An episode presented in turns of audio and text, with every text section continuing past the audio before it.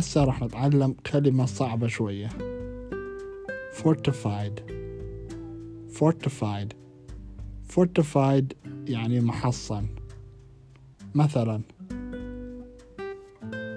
The castle is fortified. يعني القلعة محصنة.